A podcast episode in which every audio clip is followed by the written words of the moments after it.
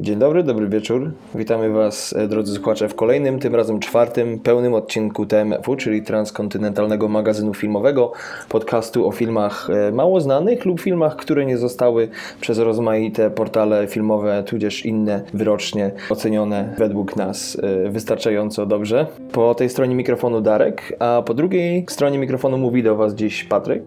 Cześć wszystkim, jak zwykle wszystkim. Jak zwykle, e, dzisiejszy odcinek już nie solo, a razem nagrywany. Specjalnie zwlokłem się z wyra o 5 rano, żeby nagrywać e, w malutkim pomieszczeniu przy ogrodzie. A Patryk, ty gdzie nagrywasz? Ja nagrywam, jeszcze raz się rozejrzę, piwnico Oboro Chlewik? O proszę. Trzeba sobie radzić jak człowiek może, tak. zwłaszcza... SA, oczywiście to jest studio, to jest studio nagrań, tak się nazywa, to wiejskie takie, także e, nie ma, nie ma żadnej foszerki, tylko dywany w koło. Tutaj trzeba dodać kwestii wyjaśnienia, że dzisiejszy odcinek nagrywamy na linii Pisz, Nowy Orlean. Jak tam w Piszu, Patryk? E, w malowniczym Piszu, perełce Pojezierza Mazurskiego jest pięknie. Dochodzi do 20 stopni, ciepełko na zewnątrz mojego studia nagrań. Trzepaczka wisi. No. E, także jest fajnie, e, wypoczywamy tu z rodziną mm, po wojażach pracowniczych po Europie, także jest fajnie. A jak u ciebie?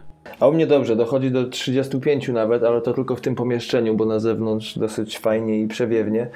Ja z kolei y, też mam wakacje teraz. Po raz pierwszy od 4 miesięcy y, jestem w stanie jak człowiek spędzić wolny dzień nie na nadrobianiu zaległości czy robieniu prania, ale na przyjemnościach, chodzeniu po tym malowniczym mieście. Ale to może kiedyś zrobimy podcast y, o Piszu i o Nowym Orleanie.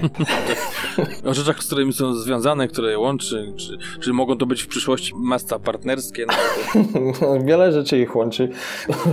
Przede wszystkim wiele wydeptanych ścieżek. A na pewno nie łączy 7 godzin różnicy y, czasowej, także to nam się znowu o godzinkę powiększyło. Tak, no Pisz się trochę oddalił. Nie, to Nowy Orleans się oddalił. Dobra, dobra, mniejszą większość. Yy, chcielibyśmy wam, drodzy słuchacze, przypomnieć e, o naszej nowej formule, o której e, wspominaliśmy już tydzień temu, ale dla nowych słuchaczy podajemy to jeszcze raz. Otóż co drugi tydzień na przemian z właściwymi odcinkami wychodzą nasze tak zwane półodcinki, czyli e, odcinki traktujące o newsach, aktualnościach filmowych będą również zawierały nasze krótkie recenzje, czy to seriali, czy to filmów, które w danym czasie oglądamy i, i które chcielibyśmy Wam polecić. Natomiast dzisiejszy odcinek będzie głównie traktował o filmie, tak jak już mówimy, do znudzenia, który wpisuje się w naszą misję podcastową, czyli e, będzie to film mało znany lub też niedoceniony.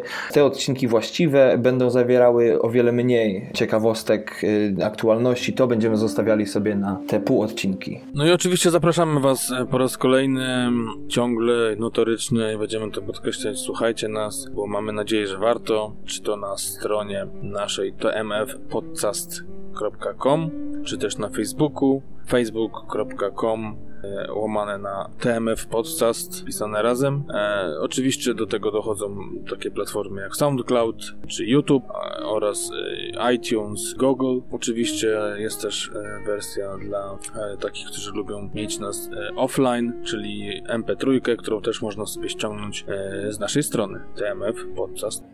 I będzie pan zadowolony.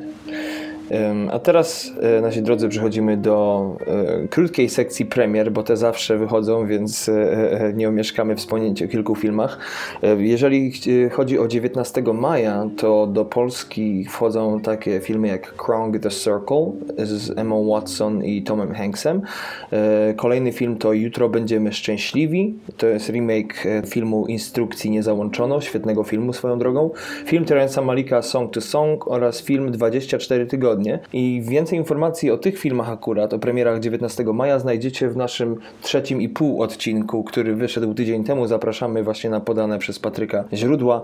Natomiast Patryk, jeśli chodzi o premiery 26 maja... No tak, tutaj są kolejne filmy, które będzie można zobaczyć już za dwa tygodnie, bo taki mamy pomysł, żebyście przynajmniej cokolwiek mogli się dowiedzieć o filmach na i za tydzień i, i za dwa, żeby sobie może planować jakieś weekendy, jakieś wyjścia do kina. Także może zacznijmy od brytyjskiej komedii Zwyczajna dziewczyna angielski tytuł Their Finest. Jest to film o Catherine, która jest początkującą scenarzystką i właśnie zdobyła swoją wymarzoną pracę, jednak czar szybko pryska, gdy okazuje się, że jej jedyne zadanie e, to wymyślenie tzw. Tak gadki szmatki, czyli kobiecych dialogów, oczywiście męskich filmach. W obsadzie plejada świetnie znanych aktorów z ról komediowych kina brytyjskiego, takich jak e, Eddie Marchand, Bill Nighy czy też Jeremy Irons. Po trailerze można się spodziewać naprawdę świetnego filmu.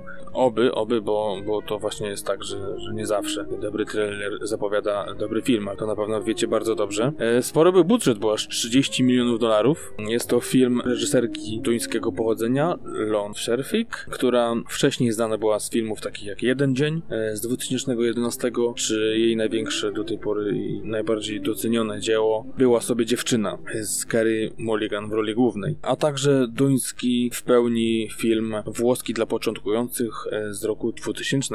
Kolejnym filmem jest e, film Piraci z Karaibów, to już część piąta tej serii, z podtytułem Zemsta Salzara. Ciężar promocji tego filmu ostatnio spoczywa na barkach Javiera Bardema, który gra tam e, czarny charakter, e, oraz Orlando Bluma, który wraca do serii po kilku latach przerwy. No, również ciekawostką jest e, występ Paula McCartneya, który jest na plakacie zapowiadającym ten film, także no tu dużo ciekawostek, dużo powrotów, a wszystko jest jakby odsunięte trochę od Johnnego Deppa, który ponoć e, uwikłany jest teraz bardzo ciężką dla niego sprawę rozwodową. Ponoć mówi się o tym, że, że no, nie wylewa za kołnierz, jak to się mówi. Były też problemy z nim na planie, też się spóźniał, także no takie rzeczy tu się działy wokół tego filmu, no ale powstał, także jest, za dwa tygodnie będziemy mogli sobie go obejrzeć. Oby Johnny Depp po raz kolejny dał radę w tym filmie. Film jest pierwszym z serii, która nie wydarza się i faktycznie nie jest kręcona na Karaibach. Jest zapowiedziany jako ostatni niestety serii, chociaż no, w 2011, nie wiem czy pamiętacie, też e, zapowiadano, że to będzie ostatni film, także no, zobaczymy jak to będzie tym razem. Ten będzie ostatni, ostatni. Tak, ostatni, ostatni, ostatni. Tym razem za kamerą stanął duet reżyserski e, z Norwegii, Joachim Renning oraz Espen Sandberg, wcześniej znani m.in. z e, Oscarowego, czy też nominowanego do Oscara filmu Wyprawa Kontiki e, z 2011 roku oraz e, z takiej westernowej komedii, może pamiętacie, z 2006 roku Sex Pistols e, z Salmą Hayek i Penelope Cruz. Kolejny film, o którym chcielibyśmy Wam opowiedzieć, to Smurfy, poszukiwanie zaginionej wioski, czyli w końcu coś dla mnie. Budżet wynosi 60 milionów dolarów, czyli nie magatela, natomiast zarobki w ciągu 6 pierwszych tygodni przekroczyły już 170 175 milionów dolarów, e, a jest to dokładnie 178 z hakiem malutkim. E, niestety IMDb nie ocenia tego filmu najlepiej, bo użytkownicy na tym portalu dają mu tylko 5,8. No i za oceanem również muszę powiedzieć, że recenzje są dość średnie. Jest to pełna animacja po pierwszej i drugiej części, odpowiednio z 2011 i 2013 roku, które to były w zasadzie w połowie filmami fabularnymi, w połowie animacjami z Neil Patrickiem Harrisem. E, producenci tej animacji również. To reżyser m.in. drugiego Shreka, czyli Kelly Ashbury. I w tej części, jeśli chodzi o akcję, to Smurfetka wyrusza z grupą współbratyńców po poszukiwaniu odpowiedzi, dlaczego jest jedyną dziewczyną w wiosce. Jako ciekawostkę możemy dodać, że głos do Basucha podkłada nie kto inny jak Gordon Ramsay. Czyli zakładam, że u nas będzie to pewna gotująca pani z TVN-u?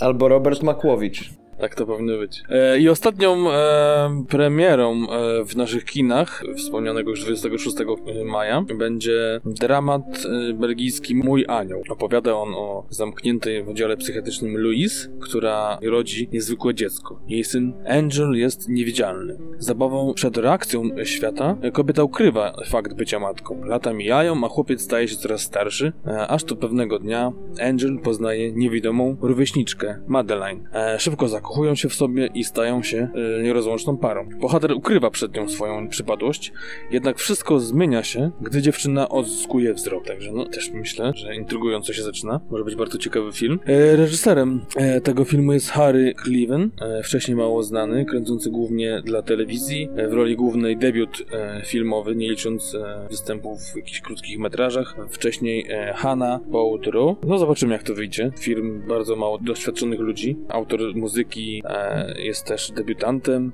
e, autor zdjęć również, także no... No proszę, czyli mogą powstać filmy, które kompletnie są debiutującymi na wielu płaszczyznach i nadal y, otrzymują dobre fundusze na ich realizację. No właśnie. Jedyne co warto tu odnotować to to, że film trafia do nas, e, do naszych kin e, w tym roku, natomiast premierę oficjalną miał w zeszłym roku e, i no już doczekał się nagrody dla właśnie tej debiutantki, jeżeli chodzi o zdjęcia. Juliette von Dormel, która dostała nagrodę za ten film właśnie za zdjęcia na festiwalu Camera Image. No z rokiem obsuwy to jednak nasza siedmiogodzinna różnica czasowa nie jest taka zła.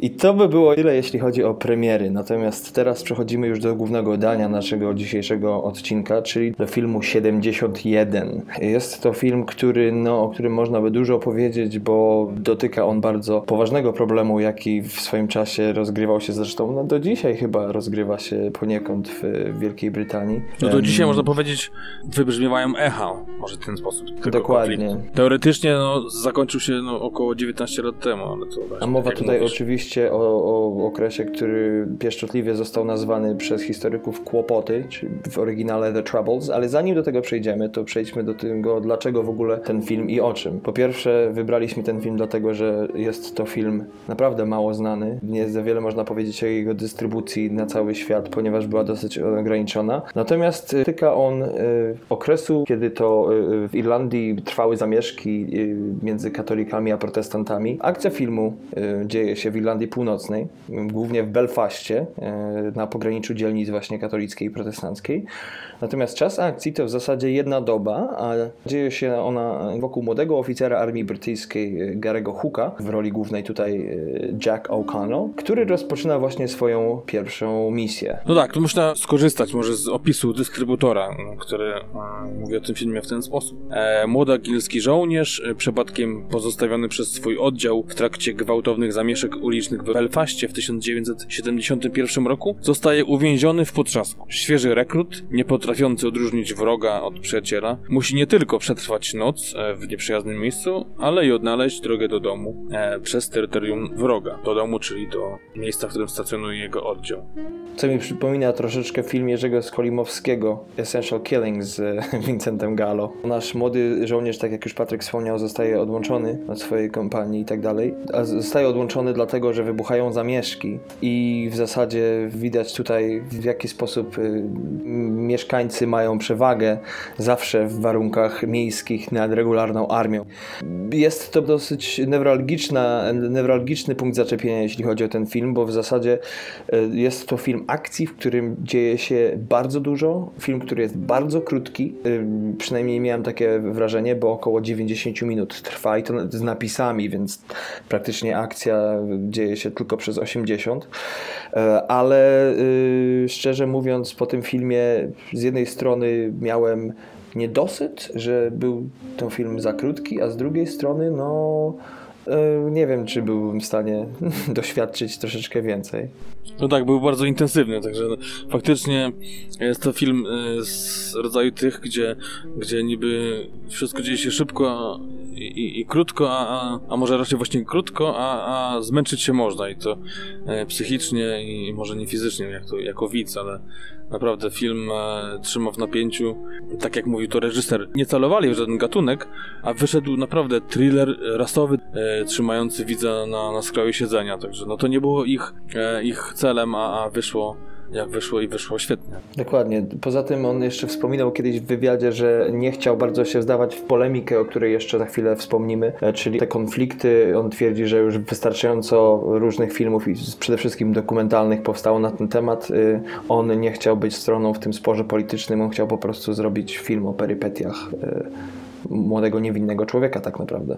No tak, no tym bardziej, że, że przecież sam wspomina o, i przecież tutaj nie można się nie zgodzić o film Bloody Sunday, Krwawa Niedziela czy, czy Hunger Good jako arcydzieła i filmy traktujące naprawdę świetnie, w świetny sposób opowiadające właśnie ten konflikt, do których no nawet wcześniej nie myślał, żeby w ogóle się zbliżyć i, i przecież sam mu powiedział, że jakby ktoś rok mu wcześniej powiedział, że będzie robił film o, o tym konflikcie w Belfaście, to by, to by nie uwierzył, by go wyśmiał. Bo nie myślał, że może znaleźć jakiś materiał e, oryginalny na tyle, żeby mógł e, nie tyle przyćmić, co przynajmniej stanąć z boku tych, tych, tych dwóch dzieł.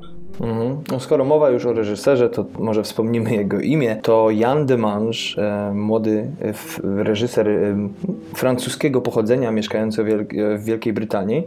Natomiast film 71 jest to, jego nie tylko pełnometrażowy debiut, ale w ogóle debiut filmowy, ponieważ urodzony w Paryżu z matki francuskiej, ojca Algierczyka, młody człowiek w zasadzie wcześniej y, reżyserował tylko i wyłącznie y, seriale i różne inne klipy muzyczne we wcześniejszej jego jeszcze przedtelewizyjnej karierze.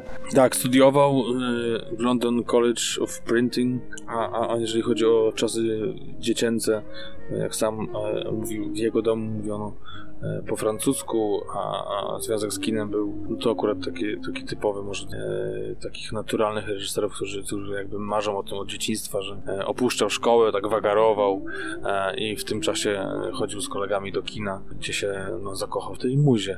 I trzeba powiedzieć, że Jan bardzo szybko odrabiał zadanie domowe, bo już jego film Teza e, Joe z 2001 roku był tak dobry, że został nominowany do Międzynarodowego Festiwalu Filmowego pod egidą brytyjskiego Ministerstwa Kultury. Zresztą sam zrobił magisterkę w e, Narodowej Szkole z reżyserii.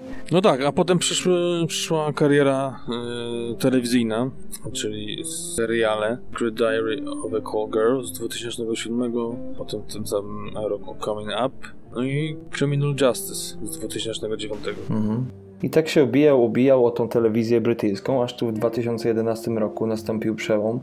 E, moim zdaniem świetny serial Top Boy e, o gangach w dzisiejszym Londynie. I seria ta zasłynęła przede wszystkim tym, że no, jako jeden z pierwszych seriali odszedł od stereotypowego ukazywania przestępców na rzecz bardziej zniuansowanego przedstawiania półświadka, zarówno jeśli chodzi o jakby charakterystykę postaci, jak i relacji wewnątrz tak zwanego podziemia. No i serial ten dużo uwagi poświęcił również na problem problem męskości zarówno u chłopców, jak i u młodych mężczyzn. I to jest temat, który zresztą Demange bardzo często powraca w swojej wcześniejszej twórczości i nie inaczej jest także w dzisiejszym filmie. Też warto, myślę, tutaj zwrócić uwagę na, na nagrody, które ten film mm, otrzymał i wyróżnienia. E, był nominowany do nagrody BAFTY, e, czyli tak zwanych e, brytyjskich Oscarów, można powiedzieć. I tam był nominowany za najlepszy film brytyjski oraz najlepszy debiut scenopisarski, reżyserski i, i producencki. Również nagrody zdobywał na festiwalu BAFTA Scotland, ale również na festiwalach w Atenach, w Berlinie, Dublinie, Monaco, Czy też e, Filadelfii.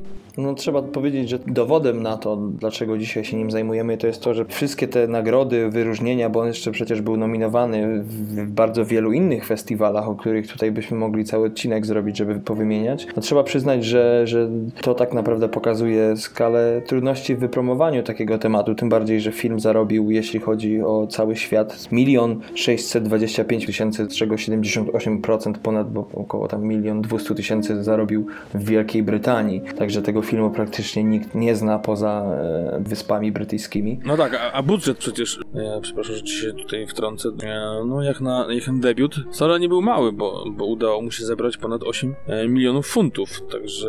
Dokładnie, co jest wydawać. o wiele więcej niż 8 milionów dolarów. Dokładnie. To też ciekawe jest, że kobieta, e, która wypromowała Jana, bo to jeszcze za chwilę opowiemy, jak ten film powstawał, to e, po premierze tego filmu, po sukcesie, po skali tego sukcesu, która oczywiście no, nie jest oddana tutaj przez liczby, bo 8 milionów e, funtów budżetu co do miliona 600 tysięcy dolarów zarobku nie jest dużo, to jednak nie przeszkodziło to w tym, żeby ludzie nadal byli zafascynowani postacią Demange'a i, i, i chcieli inwestować inwestować i czas, i pieniądze swoje w jego e, nadchodzącą twórczość, e, bo reżyser ten ma się wcale dobrze. A wspomnijmy może, Darku, jeszcze właśnie o tej, o tej kobiecie, o której powiedziałaś tak tajemniczo. Jej nazwisko i, i, i to jakby czym ona się zajmowała wcześniej. Także to nie był tyle kto, bo Tessa Ross, która wcześniej e, była producentką takich filmów jak 12 Years of Slave czy Slumdog Millionaire i to ona zaproponowała mu ten scenariusz, w którym jak już wiemy od razu się zakochał i śpieszyło mu się, żeby go zrealizować jak najszybciej.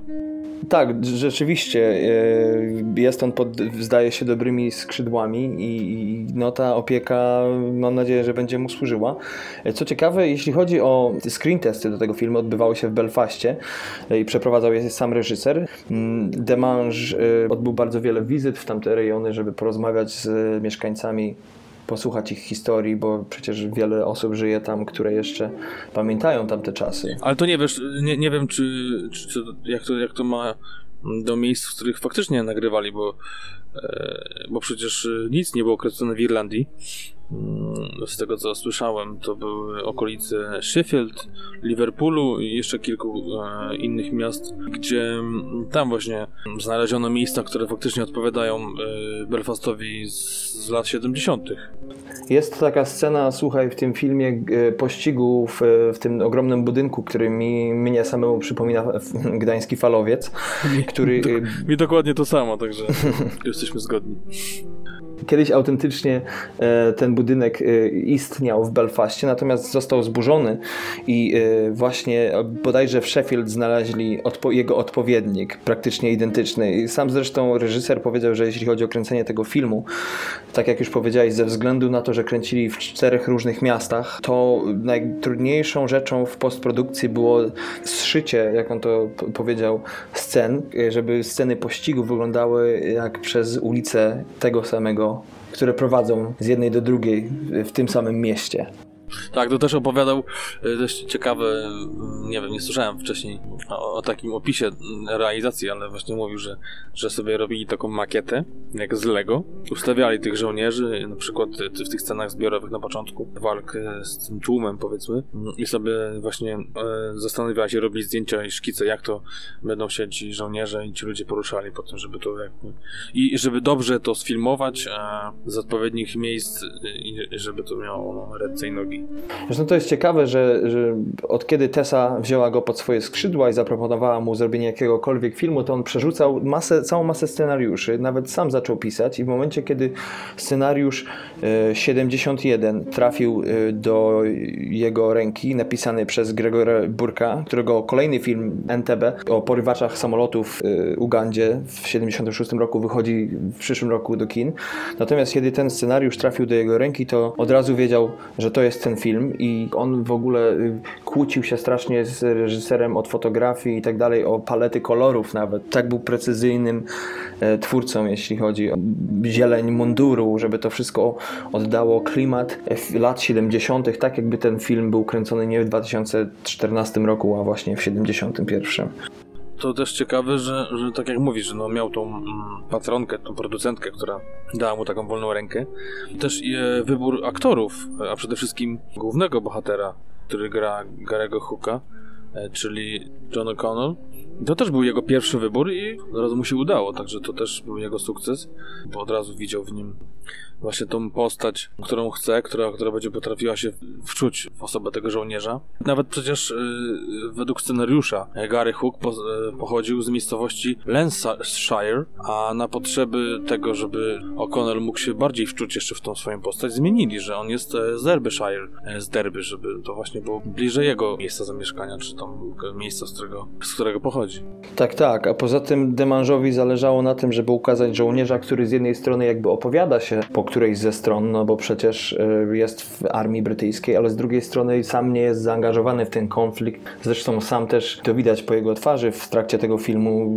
To, co do czego zostaje wysłany i te wszystkie okoliczności jakby go przerastają, prowadzą do tego, że jedyne, co tak naprawdę by chciał zrobić, to uciec stamtąd jak najdalej. Eee, no to chciałem powiedzieć, że przecież on był szkolony i to cała ten, ten jego oddział e, był szkolony do walk e, w Niemczech, tak? Oni mieli walczyć gdzieś, mieli w głowach jakieś walki z z Rosjanami, czy, czy y, właśnie jakieś wyjazdy za granicę, żeby, żeby wspomagać jakieś strony konfliktu międzynarodowego, a tutaj przyszło im no, zupełnie inna sprawa.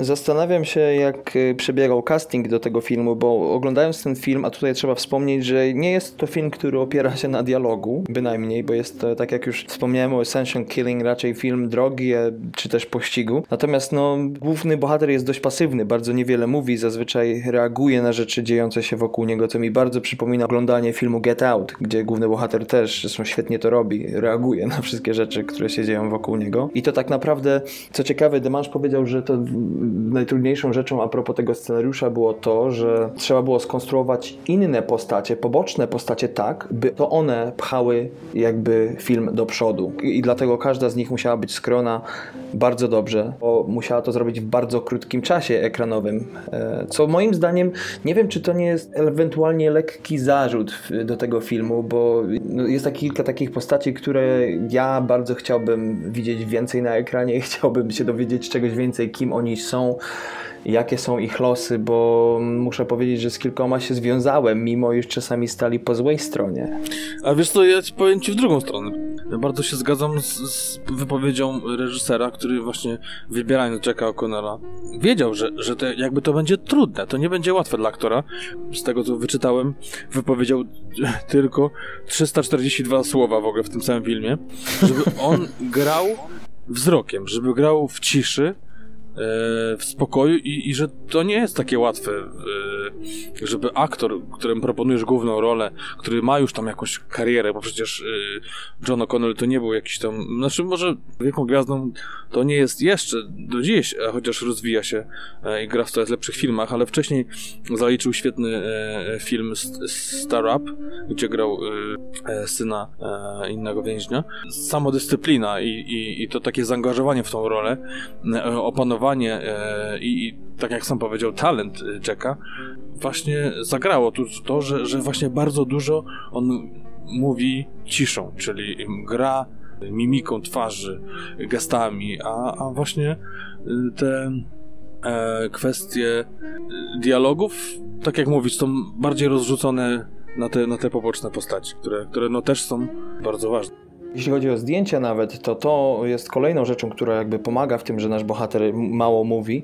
Dzięki temu, że kamera jest jakby przyklejona do naszego głównego bohatera, zwłaszcza w scenach pościgu, kiedy on upada, wstaje, chowa się przed wybuchem, przed ostrzałem. Dzięki temu my mamy wrażenie jako widzowie, że jesteśmy z nim, widzimy więcej niż y, moglibyśmy i dzięki temu, że stare prawidło mówi, że obraz to tysiąc słów, a film to tysiąc obrazów, y, nie trzeba tutaj za dużo dialogów, żeby popsuć to, co jest już dość czytelne, co się dzieje wokół głównego bohatera.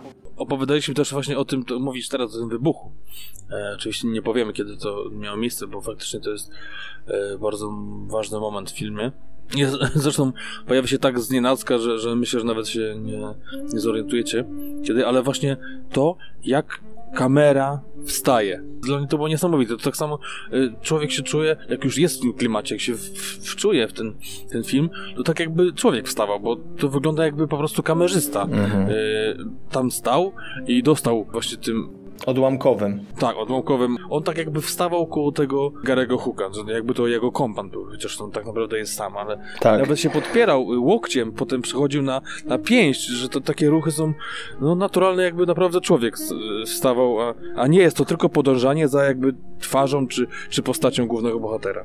Jeśli już mowa o zdjęciach, to tutaj powiedzieć trzeba, że e, reżyser od zdjęć, czyli Ted Radcliffe, e, to człowiek, z którym Jan już współpracował wcześniej, jeśli chodzi o produkcje telewizyjne i z którym rozumie się bez słów, choć jak to Demange podkreśla, uwielbia się kłócić e, z ludźmi, z którymi tworzy. Lubi, jak ludzie się z nim nie zgadzają, bo tylko przeciwne zdanie motywuje go do jeszcze bardziej precyzyjnej i wytężonej pracy. Natomiast Ted Radcliffe odpowiada tu za zdjęcia, fenomenalnie radzi sobie moim zdaniem z nie tylko z pościgiem. Tutaj, jak już wspomnieliśmy, genialna, genialny pomysł przyklejenia kamerzysty do naszego głównego bohatera, ale też jedną z moich ulubionych rzeczy e, w tym filmie są to pościgi czy sceny kręcone w bardzo wąskich korytarzach, czy przejścia przez pomieszczenia w bardzo wąskich e, irlandzkich mieszkaniach e, robotniczych, co i nie tylko to, ale również to, ten nastrój mgły, niedoświetlenie wielu pomieszczeń. No mi powiem Ci Szczerze, że przypominało mi to tak opowieści tutaj, zwłaszcza ludzi, którzy pamiętają stare czasy w Nowym Jorku, na przykład jak to, jak to dzielnice kiedyś były właśnie takie bardziej rodzinne, kiedy ten cały, cała klatka schodowa mieszkania były zadymione od prania, od gotowanej kapusty i tak dalej. I tutaj te realia filmu aż no, olfaktorycznie za, zostały oddane, gdzie ja mogłem prawie że czuć ten zapach. E... No tak, to też wiesz, y, taka kamera, która trochę jest przy tym głównym bohaterze, trochę jest czasami jego oczami, nawet nie wiem, e, wychyla E, jak jedna z postaci, ale też właśnie to, że, że przechodzą te kadry, też bardzo to lubię. E, jak jest oczywiście dobre to użyte, że, że właśnie jest takie zamglone, potem się wyostrza, jak, jak powiedzmy ludzki wzrok w pierwszym momencie czegoś nie dostrzegasz, potem bardziej się wpatrujesz i widzisz to wyraźniej. Czyli czujemy się jakby on gdzieś podążał po jakimś labiryncie, tak jak on mhm. przeskakuje tu z jednego miejsca na drugie, tu gdzieś drzwi zamknięte, idzie następnymi. Miałeś takie uczucie klaustrofobii? Oczywiście, oczywiście, tym bardziej, że, że to wszystko jest takie wąziutkie, niskie to miasto, jest te, te budynki, te wszystkie zakamarki, to gdzie on tam przechodzi, e, gdzie go gonią. No tak, tak, to było takie uczucie. Można było odczuć dyskomfort, jeżeli ma się jakby taką... Tak, a, po, a propos jeszcze zdjęć, to ch chciałbym wspomnieć o tym, że Demange stoczył dosyć, dosyć e, ciężką bitwę, jeśli nie małą wojnę, o to, żeby film nakręcić nie cyfrowo, ale na taśmie 16 mm. E, sam mówi, że nie rozumie, dlaczego ludzie tak bardzo nienawidzą taśmy. Przecież taśma jest fenomenalna. No wiadomo, że troszeczkę bardziej trzeba się napracować przy niej, zwłaszcza w montażowni, ale e, mimo wszystko. I on tutaj miał takie powody względem użycia tego, tej taśmy, że oprócz tego, że y, pozwala on, ona właśnie na właściwą tonację kolorystyczną, o, o, o którą walczył, y, która dla niego była bardzo ważna, to jeszcze ziarno, jak ogólna jakość y, obrazu jest bardzo zbliżona właśnie do tego, jaka była użyta w latach 70. Ja lubię jednak to ziarno w filmie, lubię sepie, lubię bardzo przydymione właśnie kolory, nie wszystko takie cyfrowe. W tym filmie, tak jak i w filmie To nie jest kraj dla starych ludzi, jeden z moich ulubionych, który też się dzieje w latach 70. Reżyser z e, facetem od zdjęć potrafili idealnie skroić te dwie rzeczy.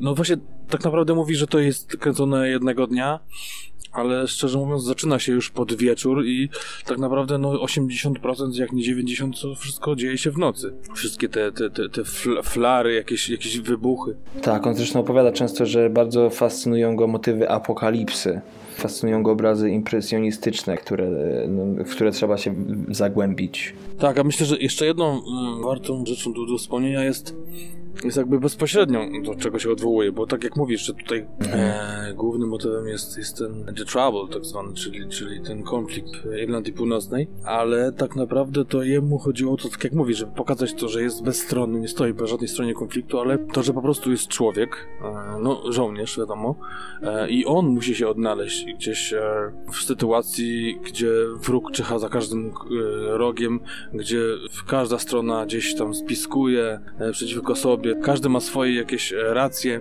e, swoje rzeczy do ugrania e, i tutaj bezpośrednio odwołuje się ten film, przecież też reżyser czy też scenarzysta o tym wspominają, do filmu z 47 roku niepotrzebni mogą odejść.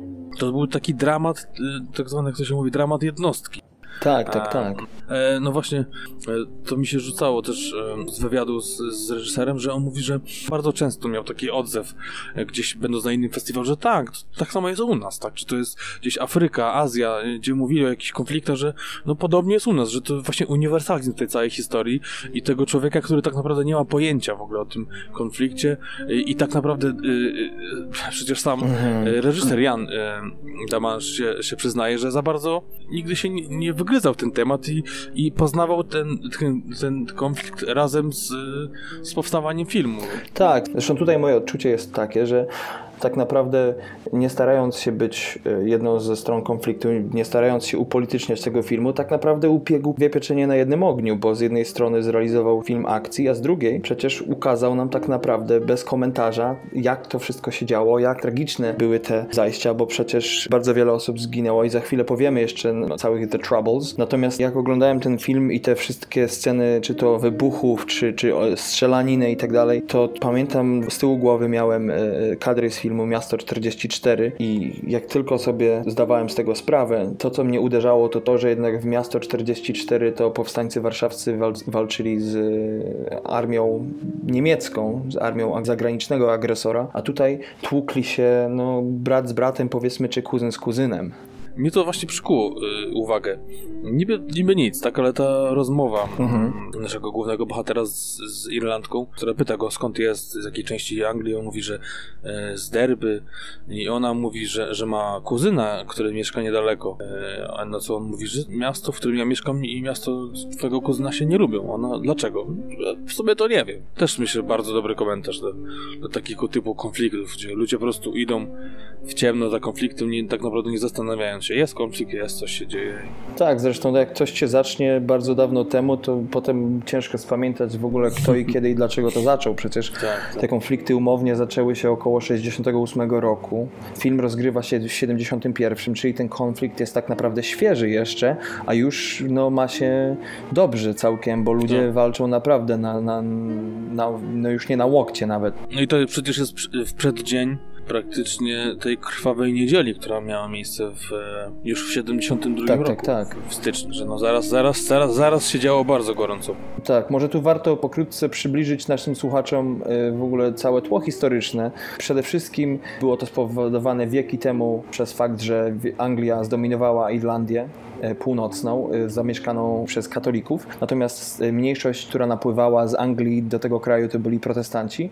Co jest ciekawe, że te konflikty przez 30 lat trwania, które pochłonęły blisko 3,5 tysiąca ofiar, w tym około 1800 cywilów i około 1000 żołnierzy po wszystkich stronach, że te konflikty nie miały podłoża religijnego. Protestanci nie walczyli z katolikami, dlatego że się nie zgadzali, jeśli chodzi o różne poszczególne elementy ich religii czy wiary, ale dlatego, że katolicy chcieli dołączenia do Irlandii, natomiast unioniści tak zwani chcieli utrzymać e, swój związek z Wielką Brytanią. Na koniec zostało to wszystko powiedzmy rozwiązane w 1988 roku.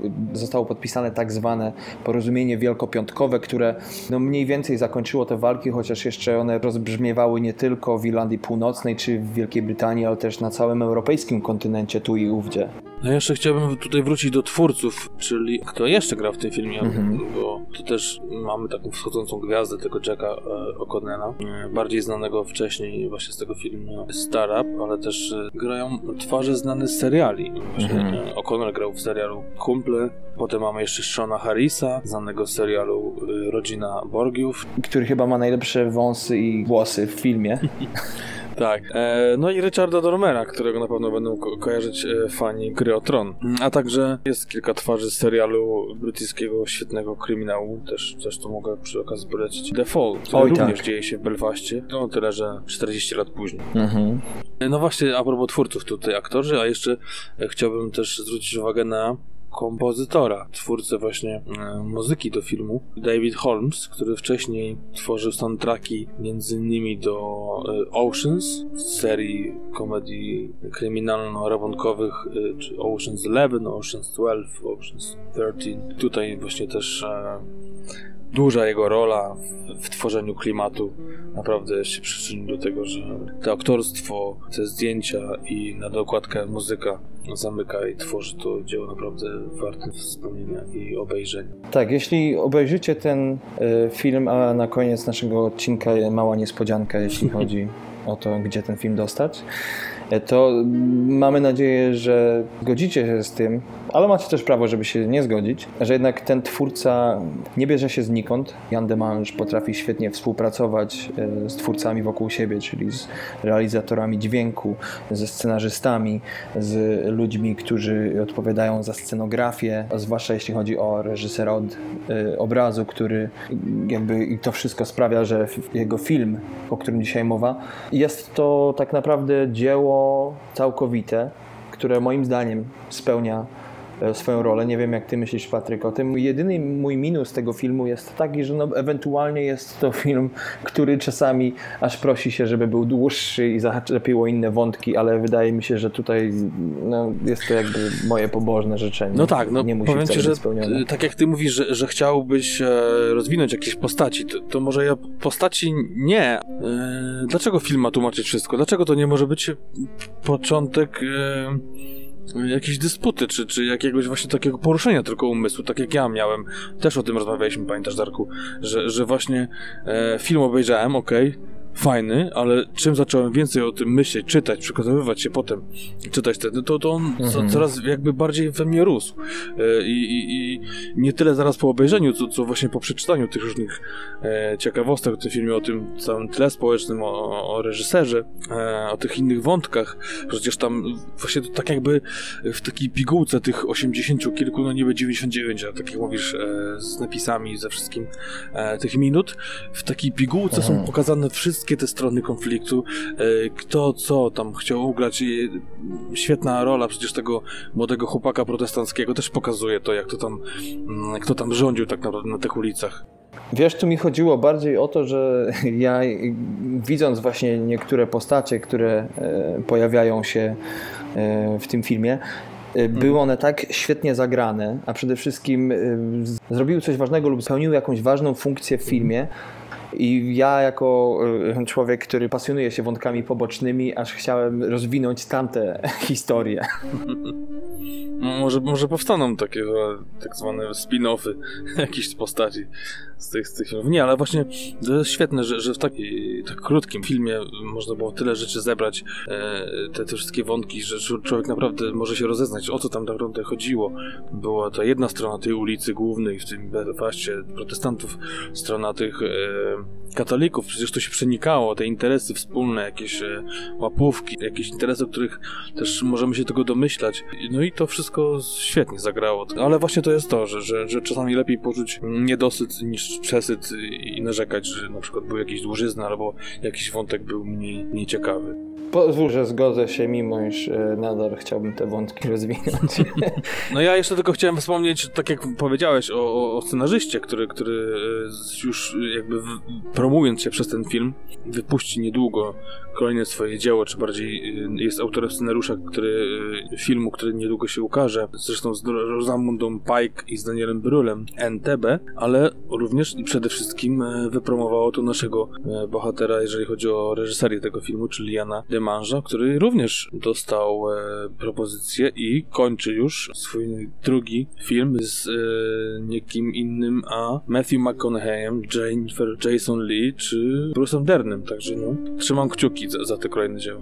I o to nam chodziło. I to by było chyba na tyle, jeśli chodzi o dzisiejszy odcinek. Y, Mamy nadzieję, że to, co usłyszeliście dzisiaj, zachęci Was y, do y, obejrzenia tego filmu. Mamy dla Was niespodziankę. Otóż film ten dostępny jest do 21 maja w Polsce w bardzo promocyjnej cenie. I tutaj mamy problem, bo ze względu na to, że nie jesteśmy sponsorowani przez tą sieć handlową, ani nie chcemy robić zbytniego product placementu, możemy powiedzieć tylko, że ten film dostępny jest e, w sieci handlowej, której kapitał pochodzi z kraju, z którego pochodzi również największa gwiazda e, klubu Real Madryt. Tak, czyli jeszcze rebusik na koniec. No moi drodzy, to tyle jeżeli chodzi o jakieś e, promocje i to, gdzie możecie zobaczyć e, to nasze dzieło. Oczywiście są różne inne możliwości, ale to jest jedna, jedna z nich, e, taka dostępna powiedzmy od ręki. Może mogę dodać tu za niecałe 10 zł. Także dziękujemy wam za ten odcinek i zapraszamy na kolejny półodcinek, który już dla was będziemy przygotowywać na 25 maja. I tam, jak już wiecie, będzie więcej z newsów, Będą też opisane premiery, które dzisiaj tak tylko pobieżnie e, przelecieliśmy i coś opowiemy o serialach, filmach, które oglądamy. E, Poza tymi filmami, które tutaj przygotowujemy dla Was. Tak, możecie nas słuchać zarówno poprzez naszą facebookową stronę www.facebook.com ukośnik TMF Podcast spisane razem. E, Znajdziecie nas również na stronie internetowej tmfpodcast.com. Możecie nas słuchać na iTunes, w sklepie Google e, oraz na SoundCloudzie, YouTubie, a także możecie ściągnąć e, nasze mp3 z naszej strony internetowej e, do której będziemy linkowali przy okazji tego odcinka. E, Mamy również na wspomnianej stronie sekcję filmów krótkometrażowych. W niedługim czasie pojawi się coraz więcej filmów różnych twórców. Także zapraszamy taką zapowiedzią e, newsów na przyszły tydzień, żebyście chcieli no, posłuchać, tylko opowiem wam taki obrazek Hitler na tyranozaury. O, i to nie Smurfy. I to nie Smurf. Dziękujemy Wam jeszcze raz za dzisiejszy czas spędzony z nami i mamy nadzieję do kolejnego tym razem pół odcinka, tak jak Patryk wspomniał, już 25 maja, czyli w przyszłym tygodniu. Dzisiaj za uwagę, poświęcony nam czas dziękuję Wam Patryk, i Darek. Do usłyszenia moi drodzy. cześć!